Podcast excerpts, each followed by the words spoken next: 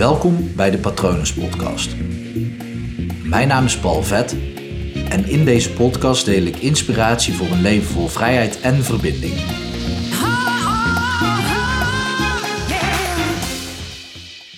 Zeg ik in plaats van je. Dan pas neem je de verantwoordelijkheid voor wie je bent en wat je doet. Ik zal uitleggen wat ik daarmee bedoel. Vorige week keek ik naar een aflevering van Pep Talk.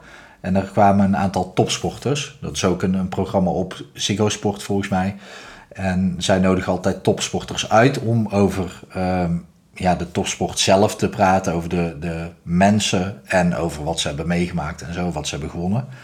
En uh, er zaten drie topsporters aan tafel. En een van de topsporters uh, was een tennister. En die begon een interview te geven of die begon te vertellen over ja, en als je dan op de baan staat, dan doe je dit op deze manier en dan doe je dat op deze manier. En ja, je probeert uh, je toch te focussen. En ik denk, ja, tegen wie heeft ze het nou? Ze zegt je. Bedoelde ze dan die presentator van Pep Talk? Ik ben even zijn naam kwijt, die kale. Nou ja, dat, dat kunnen er ook meerdere zijn. Maar hoezo je? Het gaat toch om haar? Dus ik probeer me dan te focussen. Ik doe dit, ik doe dat. Het is heel gek om dan te zeggen je. Alsof hij daar staat, hij zich moet focussen terwijl zij staat te tennissen. En um, ik zeg dit echt niet om, om haar af te zeiken, want dit, dit is een voorbeeld wat zo herkenbaar is, wat heel veel mensen doen. En een valkuil waar ik zelf ook gewoon nog steeds in trap. Dus uh, het is echt niet om iemand af te zeiken. Het gaat er juist om dat het me opvalt dat ik denk: oké, maar op het moment als je zegt je, dan leg je bijna de verantwoordelijkheid bij een ander. Of praat je soort van bijna in een derde persoonsvorm over jezelf. Dus je distancieert je dan van jezelf. Dat is heel gek. Ik distancieer me van mezelf is al meer verantwoordelijkheid dan te zeggen je uh, distancieert je van, van jezelf als je dat doet. En het is heel, heel bijzonder, want vaak als je mensen hoort praten, dan weet je wanneer ze iets ownen of wanneer ze eigenlijk de schuld bij iets anders of buiten zichzelf leggen. Alsof het een feit is waar ze niks aan kunnen doen.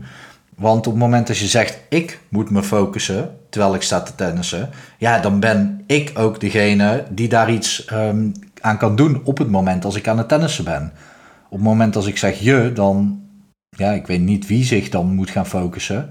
Blijkbaar niet de presentator, want volgens mij had ze het wel over zichzelf. Ik steek er een beetje de draak mee. Maar dat is echt om je te laten inzien dat, dat het vaker voorkomt. Op het moment als je zegt, ja, zo doe je nou eenmaal. Of ja, in je leven komt dit wel eens voorbij. Dat, dan, dan praat je over iemand anders leven. Of dan probeer je het te generaliseren, alsof ehm, alles wat iedereen in zijn of haar leven doet ook voor jouw leven geldt en andersom. Terwijl dat helemaal niet het geval is.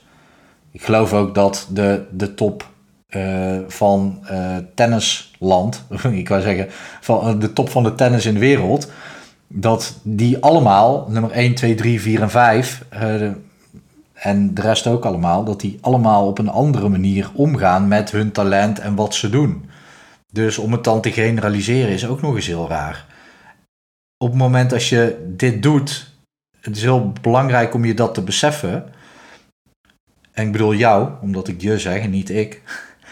Maar om je te beseffen dat op het moment dat je over je praat, terwijl je eigenlijk ook het woord ik zou kunnen gebruiken, dan loop je eigenlijk weg voor datgene wat je wat je eigenlijk moet veranderen.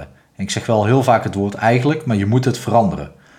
Want anders zou je het niet op die manier zeggen. Anders zou je het wel ownen. Als je zegt, oké, ik sport niet. Nou, top. Lekker ownen. Ja, dat is helemaal oké. Je, je, hoeft ook niet te sporten voor mij. Maar zeg dan, ik sport niet. In plaats van, ja, je hebt een druk leven en je hebt een drukke baan. Dus ja, het sporten doe je dan gewoon even niet. Snap je wat ik bedoel? Dat, dat excuus door je te zeggen, is het alsof dat voor andere mensen ook geldt. En het geldt helemaal niet voor andere mensen ook, want we hebben het over jouw leven. Of tenminste, jij praat over jouw leven in de je-vorm. en ik zie dat ook vaker bij sporters hoor, dat ze, dat ze dit doen. Grappige Max Verstappen zat ook aan tafel en die spreekt altijd in de wij-vorm. Eh, behalve als hij zijn auto in een muur eh, zet, dan zegt hij ook je. Uh, nee, dan. Nee, sorry Max. Dan zegt hij namelijk: ik, ik zet hem in de muur. Dat is mijn fout. Dat klopt. En waarom hij altijd over wij spreekt, is omdat heel veel mensen niet beseffen dat hij de, degene is die, die de auto bestuurt. Maar er zit een heel team van 400, 500 man, misschien wel 1000 man achter hem die ook aan die auto werken. Dus hij zegt wij om zijn team erbij te betrekken. En op het moment als er uh, iemand anders, behalve hij zelf, een fout heeft gemaakt, zegt hij wij, om ook niet te wijzen aan die persoon, maar dat het een collectief iets is. Dat vind ik mooi. En maakt hij een fout? Ik heb hem volgens mij altijd horen toegeven dat hij een fout heeft gemaakt, behalve wanneer hij een beetje aan het stampvoeten is. maar het gaat erom dat op het moment als je, als je iets doet en je staat erachter, dan zeg je ik. Op het moment als je iets doet en het pakt niet zo goed uit en je staat er niet achter, dan zeg je je. En soms sta je er eerst wel achter als je het doet. En dan pakt het niet zo goed uit en dan ga je je zeggen om je achter jezelf te verschuilen. Als dat al kan. Ik weet niet hoe je in je eigen schaduw kan gaan staan. Ehm, maar let daar eens op. Op het moment als je iets vertelt aan een ander over iets in je eigen leven wat je zou willen aanpassen of waar je mee zit, hoe je het dan zegt. Zeg, zeg jij dan ik of zeg jij dan je? Ik, nogmaals, ik trap zelf ook soms nog in die valkuil, omdat het gewoon veilig is en makkelijk is om te doen. Maar doordat ik steeds vaker me hiervan bewust ben, eigenlijk tegenwoordig altijd, ehm, doe ik heel erg mijn best om altijd ik te zeggen. Omdat door ik het veel echter wordt en ik veel uh, beter de verantwoordelijkheid kan pakken, het beter kan ownen, beter ja, dan kan ik er ook mee aan de slag gaan. Want op het moment als ik ik zeg, dan accepteer ik dat ik degene ben die er iets aan kan doen. En dat is dan een nieuw startpunt. Dat is de nieuwe realiteit.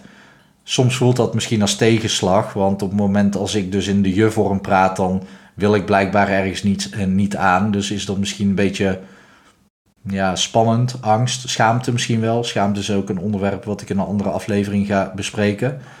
En dan voelt het misschien als tegenslag. Maar over tegenslag zeg ik altijd: tegenslag is niets anders dan de nieuwe realiteit. En die realiteit is er al. En door ik te zeggen, accepteer ik de realiteit. En kan ik vanaf dat moment ook verdere stappen gaan ondernemen. Op het moment als ik altijd blijf zeggen je, dan ehm, voelt het voor mij in ieder geval alsof ik er geen controle over heb.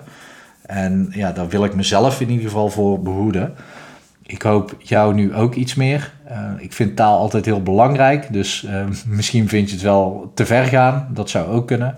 Ik geloof dat het jou kan helpen zoals het mij ook altijd helpt. Um, tenminste, altijd op het moment als ik me ervan uh, bewust ben en het ook doe, wat de laatste tijd echt steeds beter gaat. Ik zou het leuk vinden om van je te horen of dat je dit ook wel eens toepast, deze strategie, of dat het juist opvalt bij anderen. Laat het me weten via patronen.palvet.com of praat mee via Instagram op Palvet kan je me vinden. Of ga naar mijn website en kijk hoe je mij een berichtje kan sturen. Mijn website is www.palvet.com. Ik hoop dat het goed met je gaat en ik wens je nog een hele mooie dag toe. Bye.